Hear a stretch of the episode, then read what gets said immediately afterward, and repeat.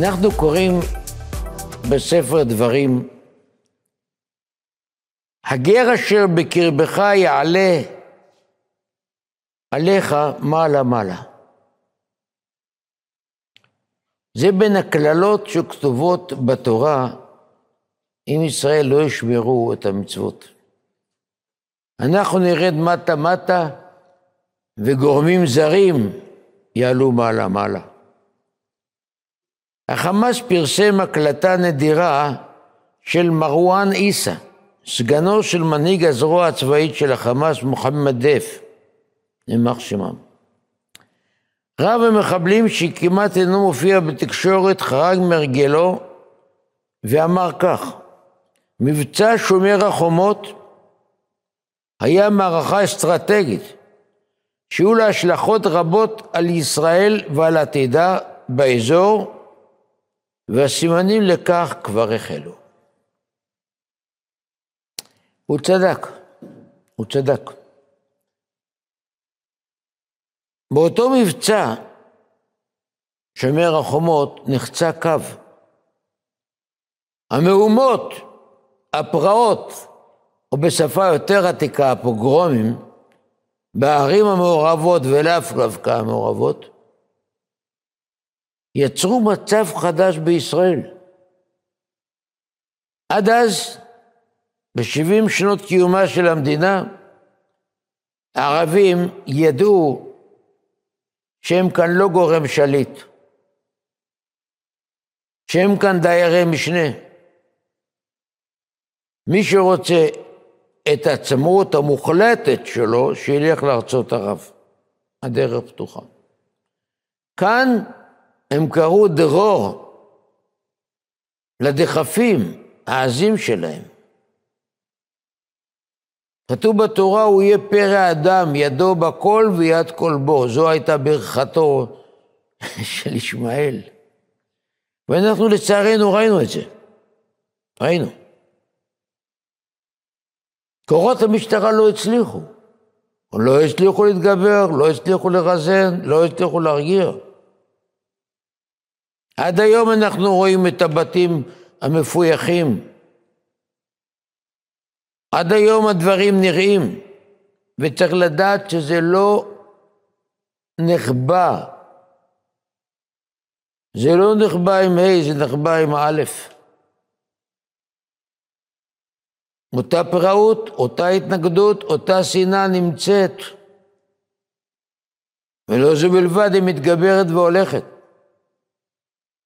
במשאל שנערך בקרב הערבים, רובם רובם הביעו בצורה ברורה דה-לגיטימציה לקיומה של ישראל. למרות שמצבם כאן טוב עשרות מונים מאשר בעזה, מאשר בלבנון הקורסת. לא, אין להם הכרת הטוב. יש להם הרגשת שנאה ועוינות. ומתקיים בנו הפסוק, והיה אם לא תשמע בקול השם ופחדת לילה ויומם, תושבי הערים המעורבות אינם יודעים מתי תנוח הרוח על שכניהם ויחזרו על מה שהיה, אבל ביתר עוז ועוצמה.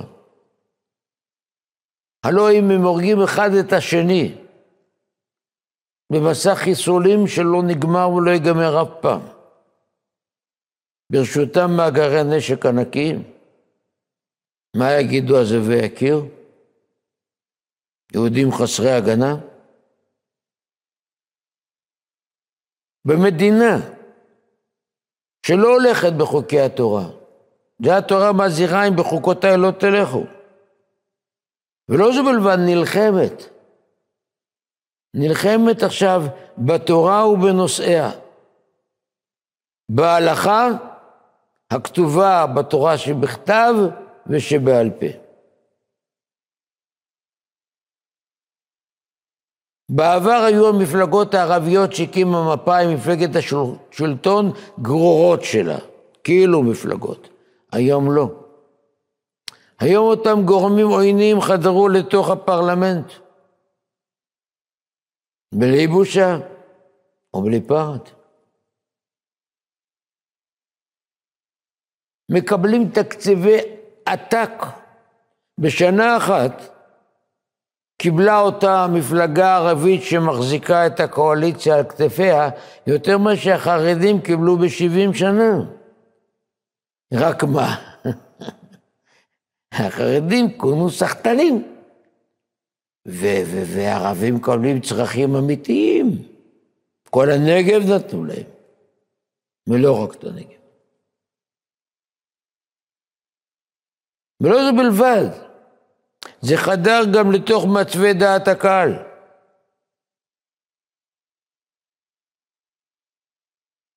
הגאון רבי זלמן סורוצקין כתב, יושב ראש מועצת גדולי התורה בעבר, בספר שלו, על הלאומיים, מהרסי הדת שבנו, נאמר הם קינאוני בלועל ואני אקניהם בלועם.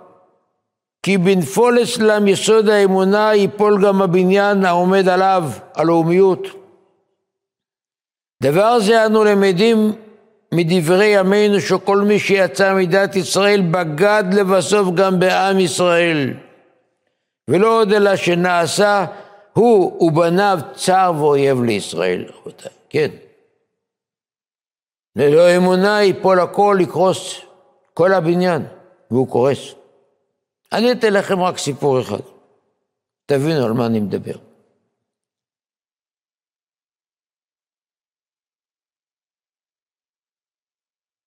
יהודה לייב מגנס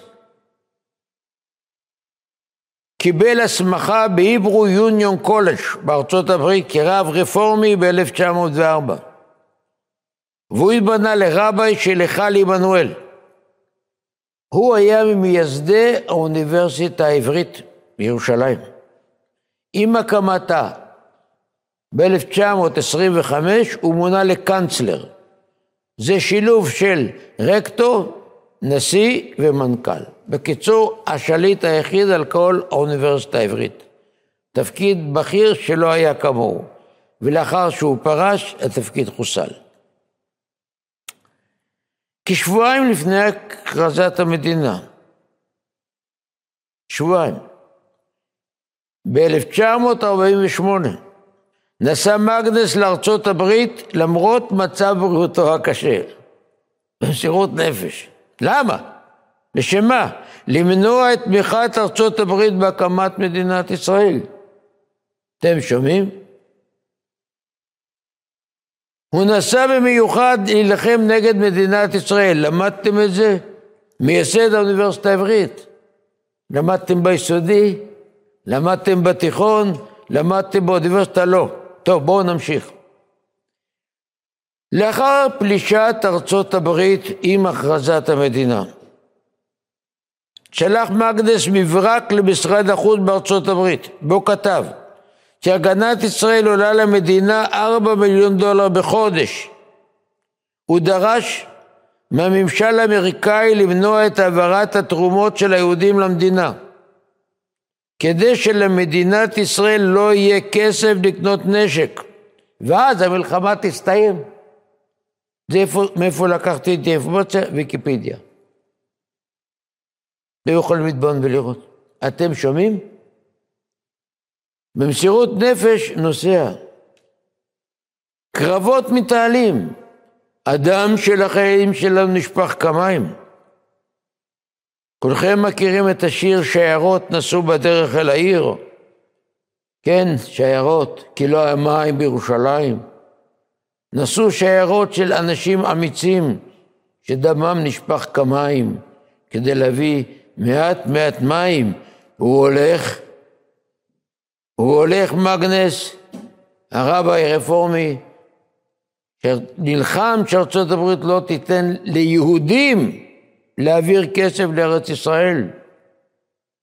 כי בכסף הזה קודם נשק, ואם לא יהיה נשק המלחמה תסתיים. וכמובן איך? כשכל היהודים יישחטו. וזה מוזר מאוד. על שמו נקראת השדרה הראשית באוניברסיטה העברית בירושלים מגבעת רם. שדרת מגנס. על שמו קרויה הוצאת הספרים של האוניברסיטה העברית. הוצאת מגנס. עד היום. לא קם אדם למחות. לא קמה תנועה לדרוש להוריד את השלטים עם מגנס. לבטל את קריאת השדרה האוניברסיטאית על שם מגנס. למחוק את שמו מהוצאת הספרים, אף אחד לא. מה הפלא שפורסמה לאחרונה הצהרה של נשיא אוניברסיטת תל אביב, פרופסור אריאל פורט, אוניברסיטה שבה הונפו מאות דגלי פלסטין לכבוד יום הנכבה.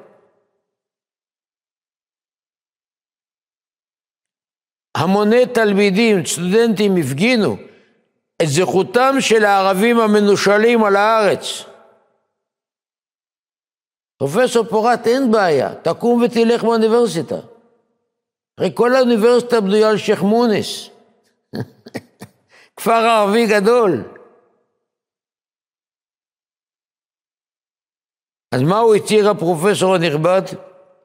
על הרוב היהודי במדינת ישראל מוטלת חובה מיוחדת להגן על המיעוטים החיים בקרבנו. רגע, סליחה, מישהו תקף אותם? הייתה פגיעה בהם? לא. המצב הוא בדיוק הפוך. לכן אין פלא שהשנאה מתפרצת כשהיא זוכה לרוח גבית.